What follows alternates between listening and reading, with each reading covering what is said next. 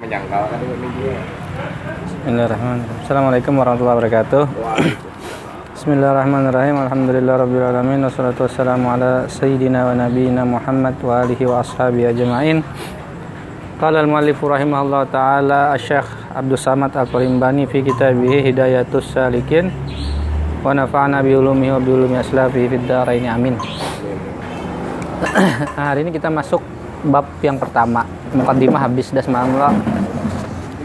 Ini sebenarnya format secara ininya mirip-mirip aja lah dengan apa?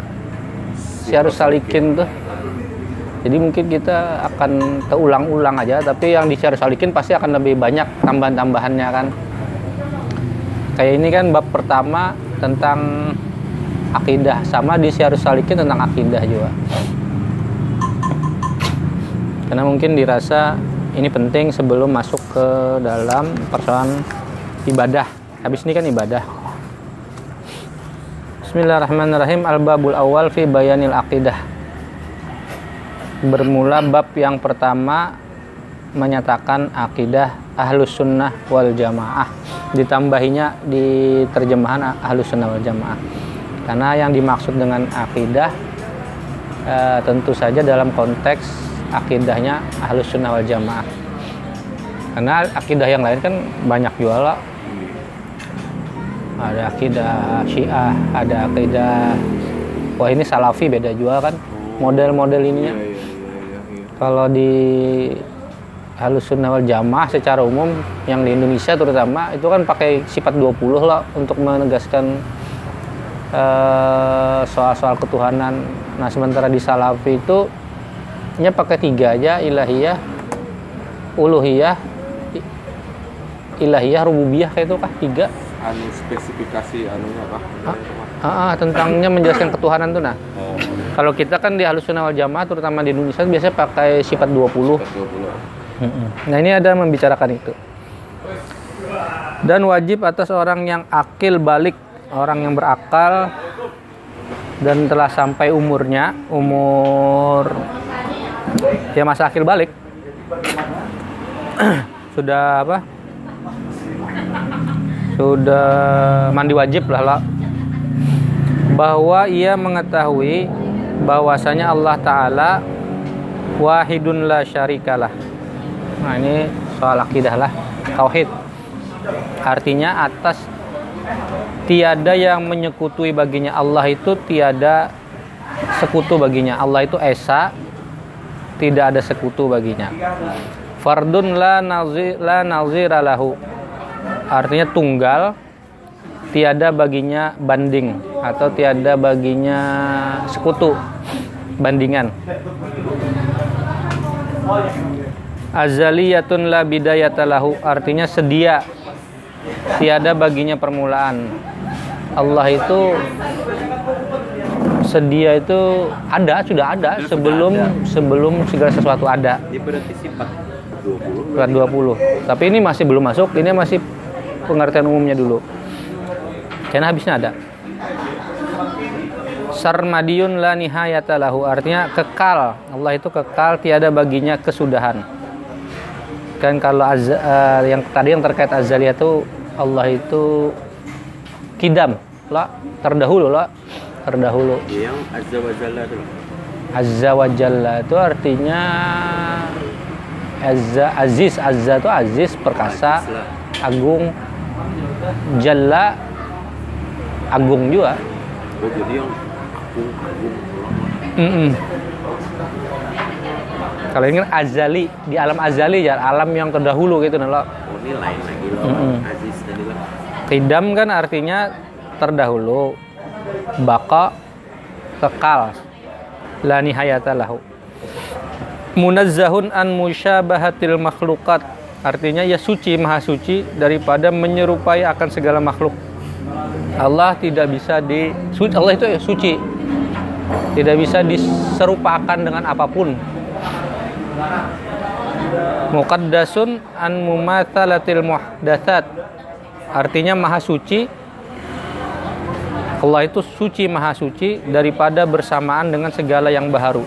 Tidak ada perum, apa? Perumpamaan. perumpamaan permisalan yang sama sepertinya. Itu apa aja? Jadi ketika kita menyebut apa aja betapapun misalnya makhluk itu suci luar biasa agung dan segalanya lah anggaplah puncaknya itu Nabi Muhammad lah gitulah tetap itu tidak bisa menyerupai Allah. Bukan Allah gitu gitu kan kita bicara kadang-kadang orang kan yang dikhawatirkan mak- makanya itu kan perlu penjelasan-penjelasan tentang kayak Nur Muhammad dan seterusnya yang filosofis itu Iya. harus paham dulu yang hal-hal kayak ini supaya bisa membedakan antara khalik dengan makhluk lah. Hmm. Jadi betapapun makhluk itu suci, luar biasa agung dan seterusnya ya tidak bisa di- diserupakan dengan Allah. Tetap saja ini makhluk. Laisa kamitslihi syai'un wa huwas samiul basir. Tiada suatu yang seumpama Allah taala dan yaitu yang mendengar lagi melihat. Laisa bijismin musaw musawwirun. Musawwa musaw musawwir. Laisa bijismin musawwirin. Ini musawwarin, musawwarin. Artinya tiada Allah Ta'ala itu berjisim yang berupa. Ini kada berbentuk dan kada bisa dirupakan. Kada memiliki rupa lah. lah. Ibaratnya Allah itu indah, indahnya ya kada kau diserupakan. Kada kau disebutkan kayak ini kada kawa.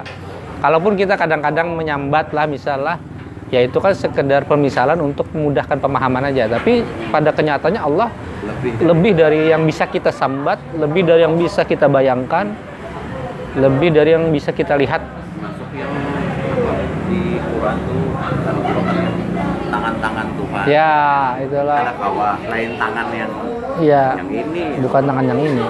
lain tangan manusia lah ibaratnya. Ya, Jarinya lima. makanya kadang-kadang itu kan ditakwil kalau di Ahlussunnah wal Jamaah kan Yadullah itu ditakwil jadi kuasa, bukan tangan. Tapi kalau bukan Salafi kan tetap aja tangan. tangan gitu. Nanti tekstual loh nggak ada momen takwil. Tapi pada kenyataannya jadinya ketika ditanya tangan tangan Tuhan kayak apa? Ya tangan yang ada ada contohnya aja gitu nala. Iya. tetap aja ya. Kan kalau kada kada kau juga menjelaskan gitu nah kan Ta'ala Allahu ala anil intiqali wal harakat wal hauli wal aqtari wal jihad. Artinya maha suci Allah taala daripada pindah berpindah dan bergerak dan mengambil tempat dan bertempat yang tertentu pada suatu benua atau pada suatu daerah. Dan berpihak atau maksudnya memiliki apa? Sisi apa? Sisi. Sisi atau apa? Arah arah berpihak. Dengan pihak yang tertentu. Allah itu kada berarah kalaupun kita menghadap kiblat itu sebenarnya bukan dalam pengertian menghadap Allah secara apa secara harfiah. secara harfiah tapi menghadap eh, apa mungkin secara maknawi lah dan itu perintah Allah juga kan disebut menghadap kiblat itu kan menghadap eh, Ka'bah itu tapi bukan di situ Allah Atas permintaan Nabi ya lah. Misalnya kan ke Masjidil Aqsa. Allah menyuruh kan Allah. Lah yang menuk asalnya menjadi aksa lalu kemudian dipindah ke Kan dulu kan apa? Nabi kan minta dari nah apa nih ada ingat aku itu? Kada tahu kada tahu? Bisa ya kalau ada ada hadisnya aku kada kada hari berangkat karena anu kan apa itu apa namanya? sama-sama menghadap situ Yahudi menghadap situ eh, Nasrani menghadap situ juga. Eh, supaya membedakan itu. ya Oh, aku kada tahu bahwa itu ada.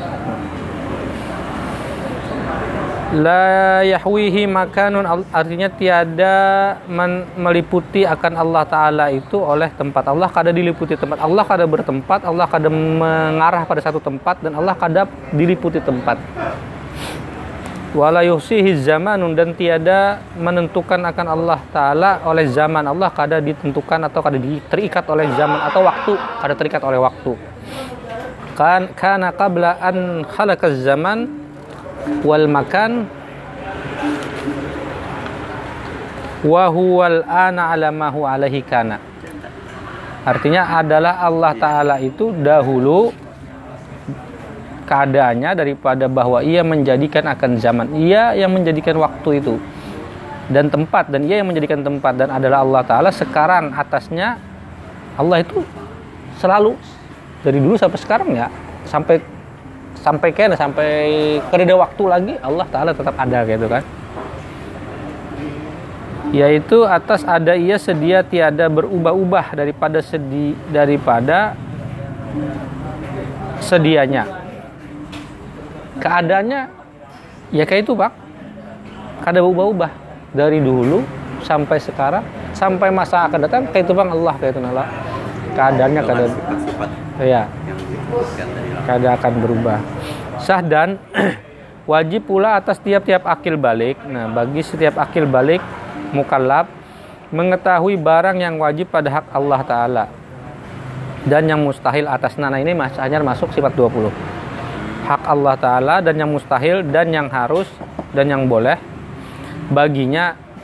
Dan demikian lagi wajib pula atasnya mengetahui barang yang wajib pada hak segala Rasulullah utusan-utusan Allah dan mustahil atasnya mereka itu. Yang harus bagi mereka itu yang terkandung sekaliannya itu di dalam kalimat la ilaha illallah Muhammadur Rasulullah.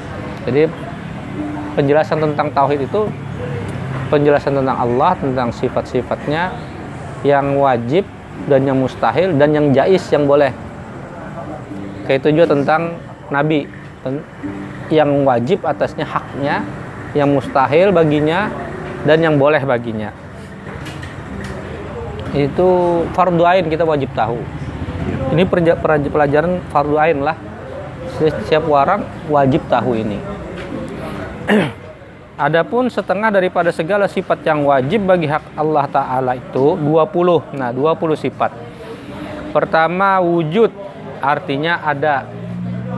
Lawannya Adam mustahil kan tiada.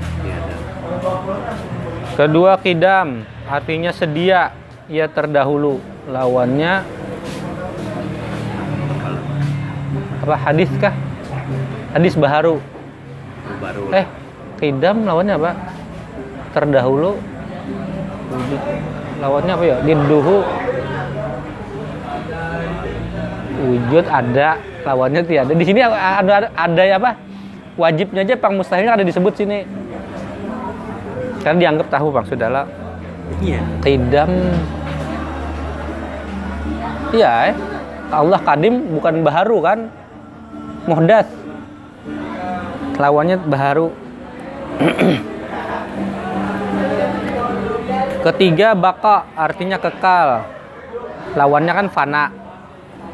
Keempat mukhalafatul lil hawadithi artinya bersalahan Allah Ta'ala bagi segala yang baharu. Allah kadang eh, karena ada perumpamannya menyalahi setiap yang baharu. Lawannya mumatsalatul lil hawadis rasanya. Kelima qiyamuhu ta'ala binafsihi artinya berdiri Allah ta iya dengan sendirinya. Keenam wahdaniyat artinya esa. Allah itu esa. Ketujuh kudrat artinya Allah kuasa Kedelapan iradat artinya berkehendak. Kesembilan il ilmun artinya mengetahui atau ilmu. Kesepuluh hayat artinya hidup. Kesebelas sam'un artinya mendengar. Kedua belas basar artinya melihat. Ketiga belas kalamun artinya berkata-kata. Nah sampai ke 13 ini, karena yang ke-14 ke-14 semuanya kaunuhu kaunuhu kaunuhu ta'ala. Kenapa tuh Hah? Kaunuhu itu kan berarti keadaannya atau apa? Kaunuhu misalnya kadiran kan sama kadirun tadi kan iya kudrat. Ya sifatnya kan kudrat. Keadaannya ini berkuasa. Keadaannya Oh, ya iya, berkuasa. sama kayak iradat muridan Muridan. Yang ke-15 muridan atau eh, kalau sifatnya kan iradat. Keadaannya muridan. Kaunuhu muridan. Jadi kalau kita tahu 13 selebihnya tuh adalah ke- eh keadaan-keadaannya aja. Allah wujud kidam baqa mukhalafaturil hawadis qiyamuhu binafsihi wahdaniyat kudrat iradat. Ilmu hayat sama basar kalam. Nah sampai kalam aja tahu? Sudah eh batu kan tinggal kadiran muridan aliman. Hayyan. keadaannya mengetahui ke-17 hayyan keadaannya hidup. 18 samian keadaannya ia mendeng ia mendengar. Basiran artinya ia yang melihat. Ke-20 mutakalliman atau mutakallimun artinya dia yang berkata-kata. Adapun hah? Adapun si setengah sifat yang mustahil atas hak Allah taala itu maka yaitu 20 sifat yaitu lawan segala sifat yang tersebut. Dia lawannya itu. Adam kan? iya lawannya itu kan Adam apalagi Adam, Hudud, Hudus. Hudud, apalagi Baharu, ya, Fana, Fana itu lawannya Binasa, nah, Mumasalatu Salatu, lil hawadis. menyerupai. Kiamuhu, Bigoirihi, Kiamuhu bi ghairi artinya ber- berdiri atas sandarnya dengan orang lain, bergantung pada orang lain. Allah kan kada bergantung, Allah itu kuasanya. Dan seterusnya lawannya pokoknya lawan dari itu adalah sifat-sifat yang mustahil daripada Allah Subhanahu wa taala. Oh, anu 14 sampai 20 zat zat zat zat zat yang lemah, zat yang terpaksa, zat yang bodoh, zat yang mati, zat yang Iya. muli gitu-gitu. Iya. Adapun sifat yang jais artinya Allah itu jais boleh. Boleh kayak ini, boleh kayak itu terserah Allah kan. artinya harus pada hak Allah taala itu maka yaitu berbuat mungkin atau meninggalkan berbuat dia. Allah hendak melakukan apa aja yang yang bisa dilakukan makhluk bisa atau Allah kadang hendak melak- melakukan itu pun bisa itu sifat jais Allah boleh yakni harus diperbuatnya. Jadinya boleh memperbuatnya boleh juga kada. Dan harus tiada diperbuatnya akan dia. Maka tiadalah wajib atasnya berbuat dia dan meninggalkan dia. Terserah Allah lah intinya kan gitu. Terserah Allah sakahendak Allah. Allah hendak menggawi kayak ini bisa. Kada menggawi pun bisa. Allah hendak memasukkan orang beriman masuk neraka kawa memasukkan orang kafir ke surga pun kawa. Itu kehendak Allah. Boleh. Walaupun pada kenyataannya Allah berjanji kan yang beriman masuk surga yang kafir dijanjikannya neraka. Tapi maksudnya kita kada bisa kemudian mau ukur eh, mau ukur itu. Wujudnya. Eh, eh. ya pasti masuk surga aja. eh Sekalinya atau ujuk Iya, kita kada tahu di yang, tahu. yang di di baliknya lah atau di belakangnya kan. Jadi itu boleh bagi Allah. Bermula sifat yang wajib pada hak segala rasul itu tiga perkara. Harusnya biasa empat kita lah, tapi di sini tiga. Pertama sidik, Nabi itu bersifat jujur. Sidik benar atau jujur. Amanah artinya terpercaya jujur. Sidik itu benar. Eh, lawannya kan biasanya ya kidip bo- bohong amanah artinya bisa dipercaya. Ketiga tabligh. Artinya menyampaikan segala barang yang disuruhkan. Mereka itu menyampaikan dia kepada segala makhluk. Apa yang disampaikan Allah kada mungkin. Kada disampaikannya pasti disampaikannya. Nah yang keempat biasanya fatonah di sini kada ada fatonah fatonah itu artinya cerdas. Nabi itu kada mungkin bodoh. Walaupun misal nabi itu di apa disebut ummi lah.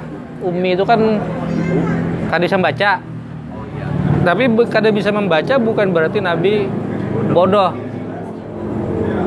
Hanya nabi kada diajari mungkin atau kayak apalah. Tapi bahwa nabi cerdas. Cerdas itu kan ini berkaitan dengan cerdas itu kada terkait teks tapi cerdas itu kemampuan melihat kondisi peristiwa.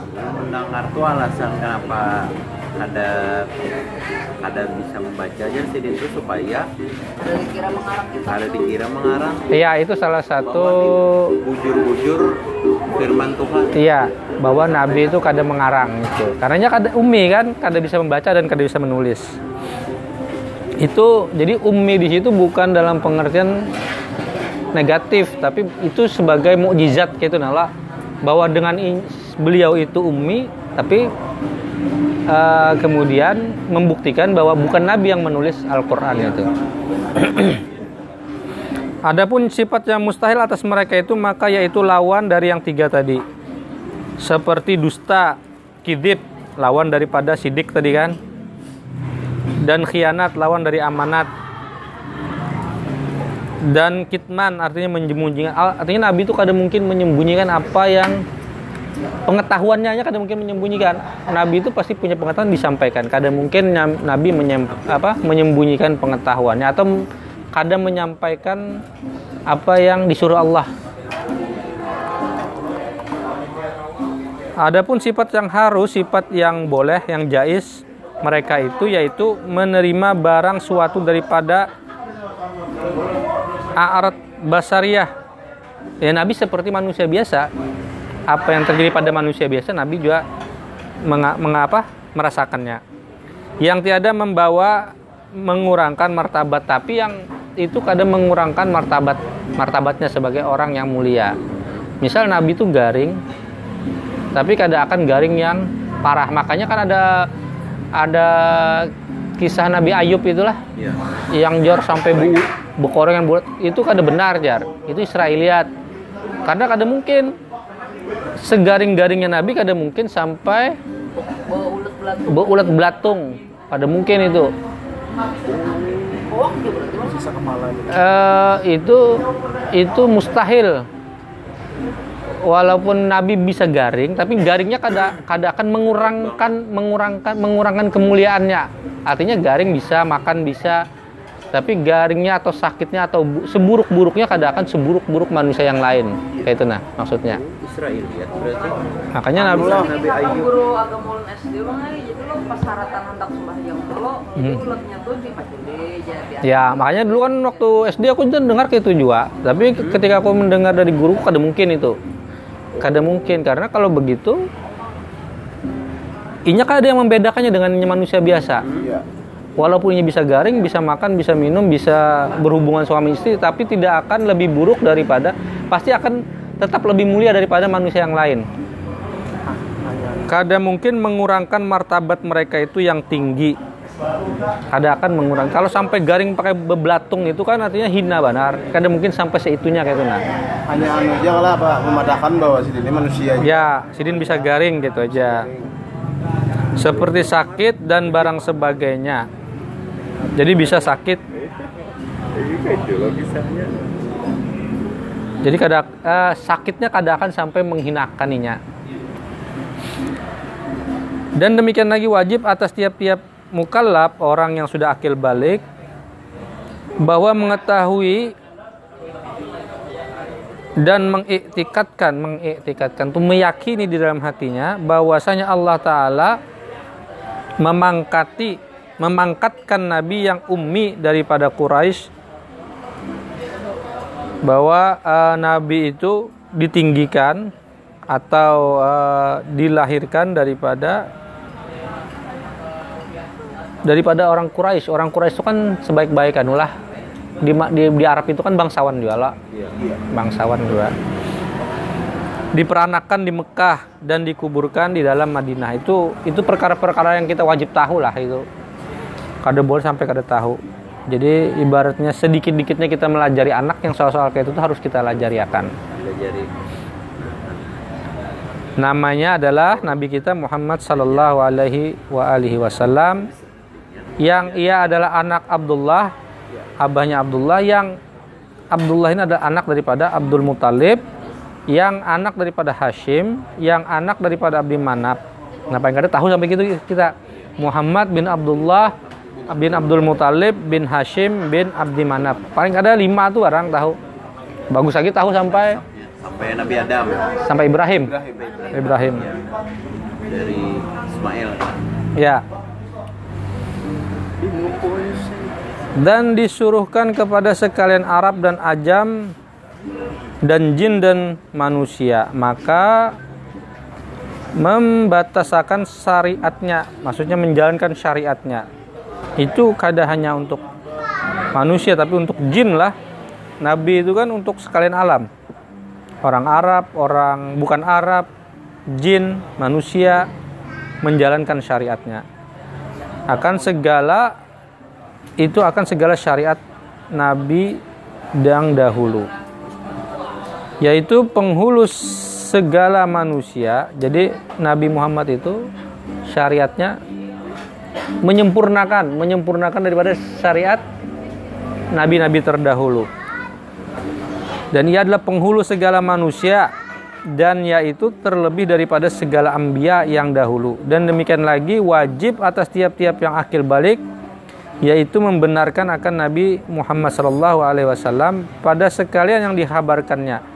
Wajib membenarkan segala apa yang disampaikannya. Jadi kalau sampai kepada kita sebuah hadis, apalagi hadis itu sahih,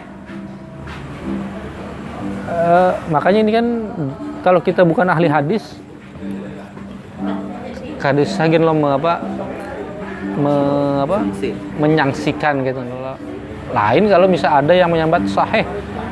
Ini orang terpercaya misalnya memangnya berilmu. Tapi orang kada berilmu nih jadi dangaran juga ini kada sahih kada sahih aja. Kayak nah dulu. Kita di kepala kita ketika mendengar ada hadis itu kan sudah memuliakan lah kan? Persoalan kemudian kan ada yang menyambat dengan bukti dengan argumen dengan standar keilmuan bahwa hadis itu ternyata lemah atau palsu ya kita harus salahkan. Tapi kalau kita kada punya pengetahuan dan yang menyampaikan kada punya pengetahuan juga lebih baik kita berpegang kepada orang yang nyata-nyata alim kan yang tahu kan? Jadi lebih baik eh, percaya kepada yang kita tahuinya alim daripada ini orang misal ada nih menyalahkan orang loh tentang hadis nabi. Sementara ini kan kada belajar ini cuma mendengar-dengar aja. Kada eh, eh, menyalahkan mendaibkan me- apa memalsukan. Ini aja eh, ilmu hadis kada paham nah lain kalau ini berilmu ya oke lah kita terima itu kan. Tapi kita orang yang berilmu mungkin kita orang yang kritis kan mestinya juga kan cari tahu dulu. Cari tahu dulu. Cerita lawan yang iya. paham. Iya. Terkait hal-hal akidah ini memang harus clear bujur pang lah. Nah terkait-kait yang hal-hal yang apa yang kada termasuk akidah ya terserah kita masing-masing lah tapi ya tetap harus diani dengan ilmu. Akan kabar yang kemudian daripada eh, tentang yang dikabarkan Nabi tentang mati seperti soal mungkar nakir yaitu dua malaikat yang hebat lagi menakuti mendapatkan ia akan mayit. Maka bertanya keduanya itu daripada tauhid dan agama dan risalah dengan katanya. Jadi wajib juga membenarkan apa tentang mungkar dan nakir daripada kabar yang dibawa oleh Nabi Shallallahu Alaihi Wasallam Marabuka wa madinuka nabiyuka. Artinya siapa Tuhanmu dan apa agamamu dan siapa nabimu. Dan kedua dua malaikat itu yaitu permulaan fitnah kemudian daripada mati. Itu adalah ujian yang pertama sesudah kita mati. Fitnah itu kan ujian maksudnya lah. Sesudah kita mati yang pertama kita hadapi itu dua orang dua dua malaikat itu dan itu hak bahasanya itu kan hak kan hak itu benar. Eh, kadakawa di ya karena kita apalah kisahnya rasional gitu lalu lalu mendustakan itu ini sesuatu yang ini itikat ini akidah sesuatu yang kada bisa didustakan gitu nala. Keluar dari dari dari kepercayaan semacam ini ya kafe ya dan bahasa bahasa adat bahasa iya bahasa kamu itu bahasa adat bahasa adat bahasa aja hmm. anak sembayang masa ya aduh dia timbul-timbul kawan arahan pada paner lah gua juga udah nasional aja Asyhadu. Ah, apa aja? Bener. Andre, ya. Demikian lagi wajib atas mereka itu percaya akan siksa kubur. Wajib orang yang akil balik percaya siksa kubur. Itu hak itu nalah. Bagi orang yang maksiat dan itu bagi orang yang maksiat mendapatkan siksa kubur dan kesenangannya bagi orang yang beribadah. Maksudnya kemenangan bagi orang yang beribadah. Dan bahwasanya sekalian itu benar, yang itu adalah hak bukan dusta, bukan khayalan, bukan fantasi. Itu hak benar. Ya mun asa ragu besadat ya. Banyak-banyak besadat ya lagi.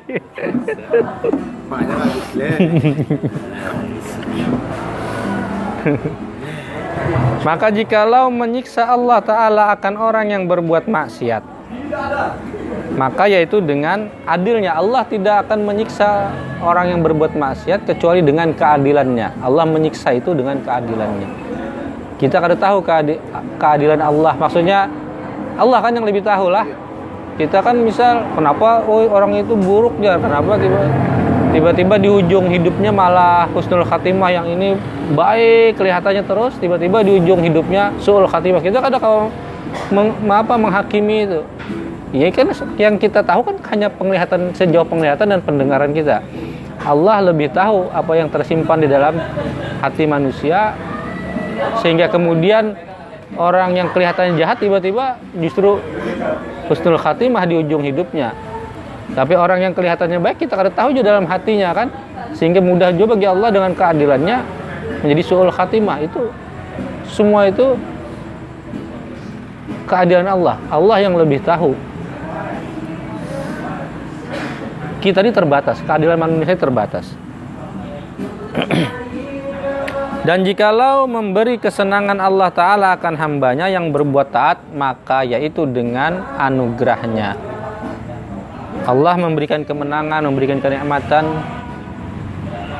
kepada hambanya itu dengan berbuat taat. Mampu kita berbuat taat dan itu adalah jalan bagi kita mendapatkan kemenangan karena di hari kemudian. Jadi ini yang ditekankan salah kesenangan kemenangan itu dengan berbuat taat. Bukan yang bukan yang sifatnya material orang hidup kelihatan sugih kelihatan mulia kelihatan bukan itu yang kalau dalam dalam pemahaman yang seperti ini bukan itu yang yang ba yang baik yang senang yang menang tapi yang senang yang menang yang baik itu adalah bila kita mampu taat lan Allah itu sudah Menang. luar biasa makanya kan la haula wala quwata illa billah. Kita ini kada berdaya untuk berbuat baik. Kita pun kada mampu. Aku ada kuat untuk meninggalkan maksiat. Semuanya itu karena Allah. Kita menjadi berdaya men, apa berbuat taat itu karena Allah. Kita mampu kuat meninggalkan maksiat karena Allah juga. Jadi itu adalah anugerah Allah bukan karena kemampuan kita itu harus tahu. Setiap mukallaf harus paham itu.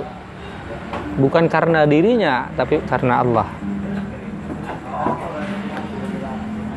Tiada wajib atasnya sesuatu daripada itu.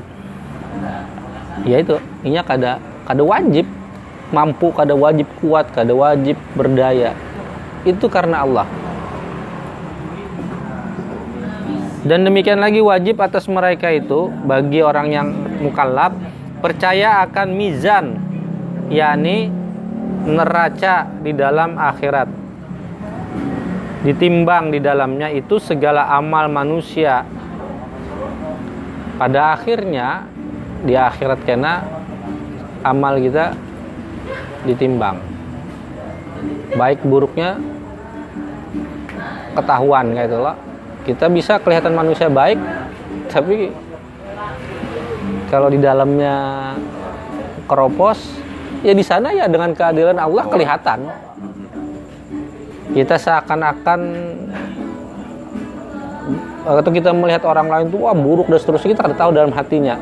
Dengan keadaan Allah di sana Allah lebih tahu. Mungkin ini lebih baik daripada kita kan gitu.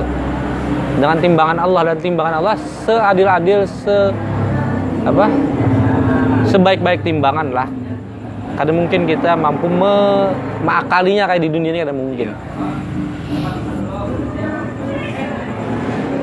Dan demikian lagi wajib atas mereka itu bahwa percaya akan sirat. Sirat itu juga hak. Jalan jalan bentangan itu nah. Yaitu titian di atas neraka jahanam yaitu terlebih halus daripada rambut dan tajam daripada pedang. Dan tergelincir atas segala kaki orang yang kafir dan munafik Orang kafir dan munafik pasti tergelincir. Kayak apa pun harapnya di dunia, imbangnya manu tubuhnya lah. Di sana pasti dengan kehadiran Allah pasti akan tergelincir. Iya, dia kena kawa di sana, disirat kena kawa.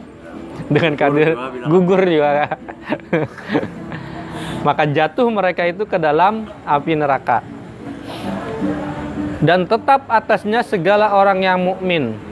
Orang yang mukmin pasti bisa berjalan betapapun di dunia misal orangnya kada imbang berjalan lah, tapi disirat dengan takaran keadilan Allah. Inya kawa berjalan. Lalu mereka itu ke dalam surga. Mereka melewatinya sampai ke surga. Tetapi bersalahan perjalanan. Nah, berbeda-beda cara perjalanannya. Orang mukmin itu sekira-kira amal mereka. Jadi cara mereka berjalan itu tergantung amal.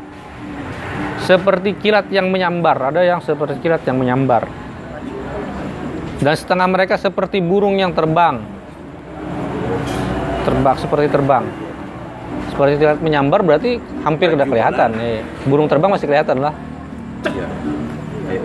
Atau burung yang terbang dan setengah mereka itu seperti kuda yang berlari dan setengah mereka itu seperti orang yang berjalan berjalan dan setengah mereka itu merangkak ada yang merangkak merangkak tapi sampai juga bang Sampai, tapi ya. sampai ya. Tapi merangkak. Sampai. dan setengah ya. dan setengah mereka itu mengesot mengesot ini eh bekesot ya. Landep pada Larah, larah bura.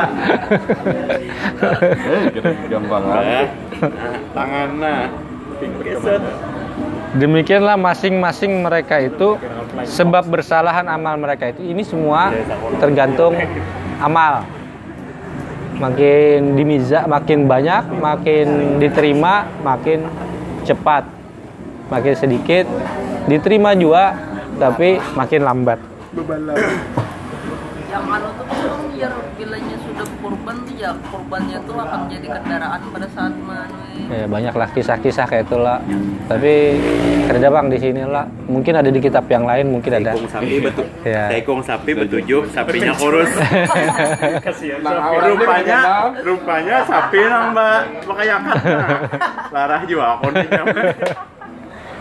Aku udah tahu lah itu di kitab-kitab padahal kalau yang tentang Islamiat sama kedadalah rasanya lah Ada. kedadalah Mungkin itu tentang kurban lah. nggak bisa jadi Eh, Ya, bang kurban. kalau kalau anu lah di di kepercayaan lain ada yang mirip kayak itu iyalah konsepnya Eh, Sapi kan, dewa sapi. kan bilang aduh apa memat maulah jembatan kan Ah. waktu Malah sapi. Kita kededapang itu lah atau mungkin ada di kisah-kisah eh. Iya. Timbul asado. Makanya nukan sapi anu kan limosin.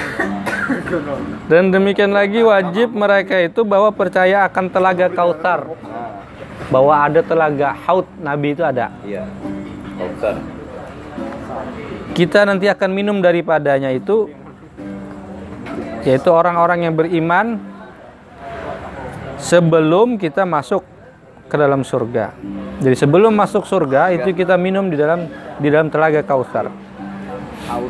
Kemudian daripada melalui sirat daripada melalui sirat al-mustaqim dan barang siapa meminum daripadanya niscaya tiada dahaga, kada pernah haus kemudian daripada itu selama-lamanya. Bisa lagi minum surga berarti. Secara itu lah. Kira-kira soalnya. wah Padahal tinggal cibuk lagi kan. Kisahnya ada. Kemudian daripada melalui sirat, maksudnya sesudah mi- anu lah. Eh, oh sesudah melalui sirat sebelum masuk surga kita akan minum di telaganya Nabi Shallallahu Alaihi Wasallam. Dengan itu menjadi jaminan kita akan akan pernah haus selama lamanya. Bermula perjalanan sebulan oh, anunya apa? Luasnya itu, luasnya Kautsar ya, itu sebulan perjalanan. Airnya terlebih putih luasnya lah sebulan perjalanan. Airnya putih terlebih putih daripada air susu dan terlebih manis daripada air madu pada apa nih kelilingnya itu beberapa kendi sebilang-bilang bentang di langit Bulan perjalanan jalan Pak. ya ini kada kawa ini nah Lawan tuh perumpamaan ya Sebulanan tuh Bang sampai bulanan. Sanggup lebu pesawat sebulan. ya intinya kita harus yakin bahwa kausar itu ada Iya. Telaga kausar itu ada Sem- Luas pokoknya. ya Apa kah? sesudah melewati sirat kita akan minum di telaga kausar hanya masuk surga Amin. amin ya rabbal alamin Amin. Demikian lagi wajib atas mereka itu bahwa percaya akan hisab, dihitung segala amal dan bersalah-salah segala manusia itu setengah mereka itu sangat hisapnya, sangat berat hisapnya dan setengah mereka itu sedikit hisapnya. Ada yang hitungannya berat, ada yang hitungannya ringan, ada yang banyak, ada yang sedikit. Dan setengah mereka itu lalu ke surga dengan tiada hisap. Tapi ada juga yang masuk surga bahkan tanpa hisap, bighairi hisap yaitu mukarrabun orang-orang yang dekat mukarrabun orang-orang yang dekat dengan Allah itu tidak akan dihisap mereka langsung ke dalam surga kita pernah cek suhu kan. Iya. Hmm. Masuk surga bebas hisab. Kehendak nih kan. Amin. dan ditanya daripada ambia atas menyampaikan akan risalahnya. Setiap nabi akan ditanya tentang eh, risalah yang diberi disampaikan kepada mereka. Dan ditanyakan orang yang mukmin daripada amalnya. Dan ditanyakan orang yang bid'ah daripada agamanya. Dan ditanya orang yang kafir daripada mendustakan segala rasul dan demikian lagi wajib atas mereka itu bahwa percaya akan dikeluarkan segala mukmin yang nih? mengesahkan Allah taala daripada api neraka kemudian daripada siksa hingga tiada tinggal di dalam api neraka. Setiap orang yang beriman ya, kan bisa aja banyak dosa lah masuk neraka. Tapi semua orang yang beriman tidak akan kekal di dalam neraka. Pasti walaupun sebesar zarah ada ke- keimanan kepada Allah, kepada Rasul di neraka karena diangkat. Maharitnya. Maharit nerakanya itu nang Itu perlunya syafaat. Pasti. tiada tinggal di dalam api neraka ini seorang daripada mumin dengan anugerahnya Allah Ta'ala dan ini adalah anugerah Allah Ta'ala dan demikian lagi wajib atas mereka itu percaya akan syafaat pertolongan segala ambia alaihi mussalatu wassalam jadi para nabi itu memiliki syafaat Nabi Muhammad itu memiliki syafaatul uzma paling besarnya syafaat itu Nabi Shallallahu Alaihi Wasallam tapi setiap nabi yang lain juga memiliki syafaat bagi kaumnya. Tapi syafaatul uzma itu milik Nabi udah Nabi kita Muhammad sallallahu alaihi wasallam. Orang mukmin pun, pun eh, memiliki syafaat. Setiap orang yang beriman bisa memberi syafaat. Eh, syuhada. Syuhada sesudah para ambia itu syuhada, mereka juga memiliki syafaat. Maka sekalian mukmin atas sekira-kira kemegahan dan derajat mereka itu kepada Allah dan setiap orang beriman pun memiliki syafaat tergantung derajatnya. Barang siapa tinggal daripada mukmin itu di dalam neraka padahal tiada baginya seorang yang musyafaah akan dia kalau kereda pun yang memberinya syafaat setiap orang beriman masuk api neraka. Kereda yang memberinya syafaat niscaya dikeluarkan akan dia oleh Allah Ta'ala dengan anugerahnya. Allah tetap akan menolongnya. Karena ada iman. Niscaya dikeluarkan akan dia oleh Allah Ta'ala dengan anugerahnya maka tiada kekal mukmin itu di dalam api neraka. Dan jikalau ada iman seorang di dalam hatinya satu zarrah. Satu zarrah itu ya biji biji biji debu itulah biji debu. Walaupun sebiji debu di dalam hatinya ada iman kepada yang memberinya syafaat tetap anugerah Allah kawa mengangkatnya daripada api neraka.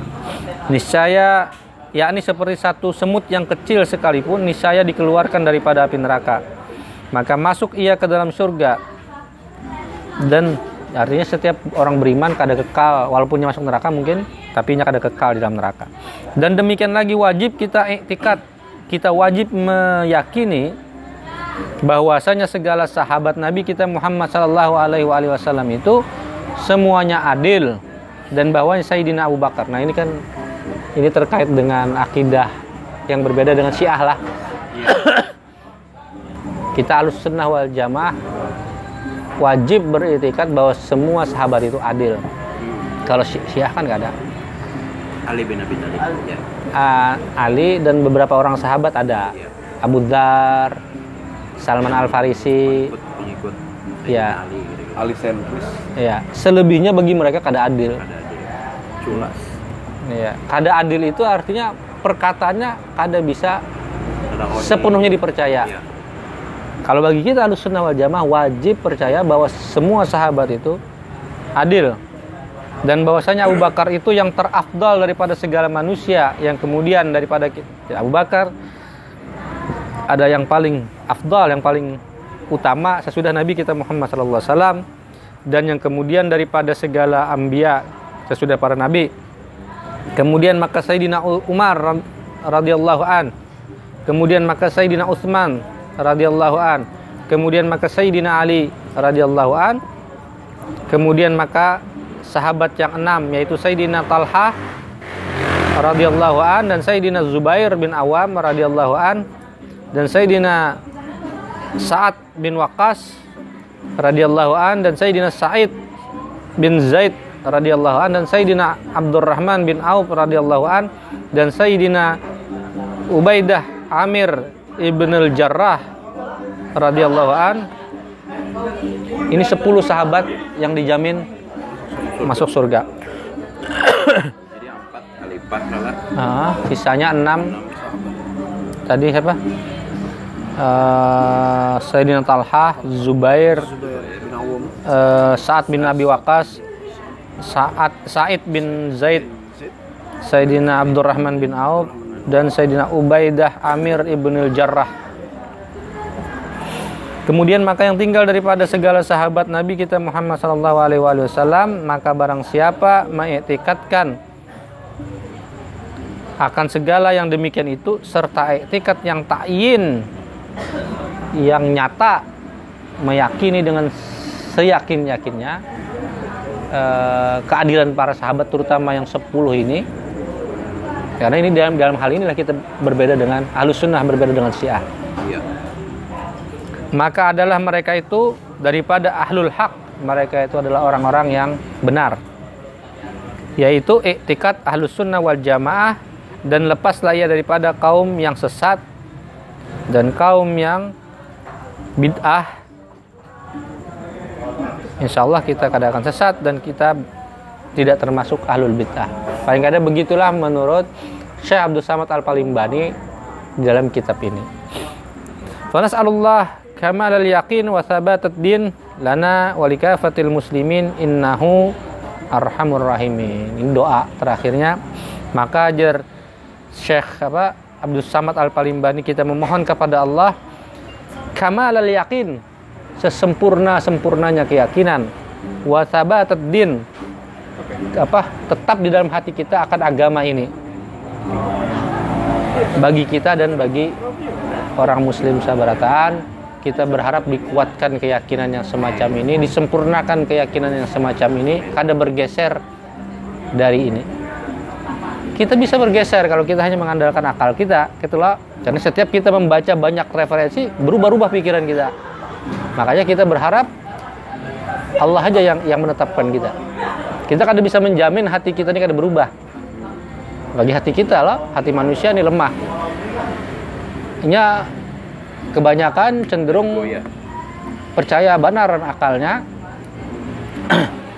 Padahal mestinya akal itu kalau Jalal Al Ghazali kan akal itu perdana menteri yang memutuskan.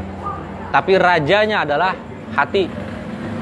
Jadi perdana menteri bisa memutuskan ini harus tetap bersandar kepada rajanya yaitu hati Nah di hati itulah kita memohon kepada Allah ditetapkan keyakinan kita pada hal-hal yang seperti ini. Mudah-mudahan Allah menjaga kita dari keyakinan-keyakinan yang menggelincir dari kebenaran. Amin ya rabbal alamin. Sampai ini habis bab 1. Bab iktikat habis itu karena kita masuk bab yang kedua fita atit tahirah. Fita atit zahirah. Bab yang kedua kayaknya hanya masuk soal ketaatan yang Zahir. zahir. Sebab kan apa ada disebutkan ketaatan yang zahir dan ketaatan yang batin lah. Ketaatan yang zahir itu ya apa?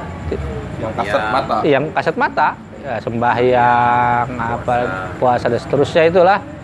Walaupun bisa itu kan amal bidayah lah, amal para pemula ya kayak itu. Di dalam hatinya ini ada khusyuk, kada apa itu bukan urusannya. Ya. Yang pentingnya sembahyang barang dulu kan, puasa barang. Jangan mencari-cari khusyuk. Karena khusyuk itu adalah amalnya para muntahi. Kan sama kayak itulah Iya. Sampai jatuh ke neraka. taatul batin itu taat batin itu. Mm-mm. Dan itu kita kada bisa me- menghendakinya. Iya. Wah kada kawa kali kada khusyuk jadi kada sembahyang jar. Kada kawa. Itu amal orang muntahi. Amal orang zahir ini ya begawi aja biar Biar maju jakainnya gitu. Sekalinya anu sampai kamu kendaraan. Biar aja. Anak mengeredit duit kerja. Jadi biar aja kayak itu kayak gitu biar aja. Biar sambil kepikiran apa kah sambil kepikiran apa kah? Gawi, ha? Gawi ha? Gawi. Ah, ah. Ada aja wayahnya kena. Ah, ada aja kayak ada Allah memberi Anu kan sesakitannya deh. eh, Kusuk benar tuh bang dah. eh, Cuma eh, ingatan pulang sedikit. eh. Dan itu kita kada kau manu lah, kita kada kau Kalau kada kau menghindarinya. Kada kau mengusahakannya. Karena ketaatan zahir itulah begamatan karena muncul ketaatan batin di dalam hati. Dan itu harus berjalannya bertahap. Kada kau langsung hari ini nih sembahyang hari ini khusyuk. Ya kalaupun ada itu kan anugerah Allah. Tapi kita kada kawa menghendaki yang kayak itu itu. Yang kita kawa tuh ya menggawe aja. Menggawe aja. Eh, nah karena Kayaknya maghrib. Kecelakaan maghrib. Kusu ya. ya paling kadang kita berusaha lah. Dan kita selalu berdoa sekali lagi kayak tadi la haula wala quwata illa billahil aliyil azim. Kada ada kekuatan kada ada daya kita ini berbuat taat kecuali karena Allah. Kada ada kekuatan kada ada daya kita ini menghindari maksiat. Kita pun kada kau menjamin diri kita ini kau menjauhi maksiat. Kecuali karena Allah. Jadi alwai aku ngalih lagi meninggalkan itu ya aku kada mau taat. Karena masih ngalih meninggalkan minuman karena mau sembahyang. Ada kawa sembahyang aja. Mudah-mudahan Allah karena membuat inya lupa dengan minuman kan gitu. Kada nyaman lagi Eh. Ya. ada pun yang masih minum ya itu dosa jatah kan. Tapi gawe aja sembahyang gawe aja sembahyang. Ubah rasanya. Ambar soalnya kan opit. Atau mamanya kan sebetu. jadi kada kawa kita itu apa suci hanya menggawi gitu nah. Suci sepenuh-penuhnya suci kada kawa Iya. kita masih ya kayak kita ini masih tegawi dosa masih tegawi. Karena alhamdulillah kau meninggalkan dosa tapi kita tegawi pulang dosa aja. Tapi masih bagus kita kalau masih menjalankan taat. Ya walaupun taatnya taat kakak ituan lah lah. Ada apa lah. Penting berusaha dulu kan. Ada juga juga tuh. biar sembahyangnya kayak kilat lah.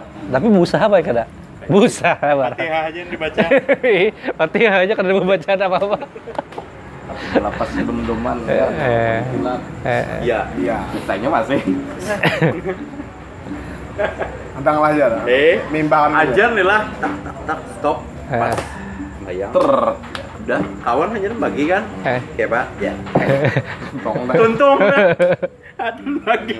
Muha masih itu lebih Muha, utama daripada kawan dan membagi. muhanya masih basah. Wah, sama sih. Ini aku mati dulu gitu lah mudah-mudahan manfaat dulu lah Iya, amin ya rabbal alamin.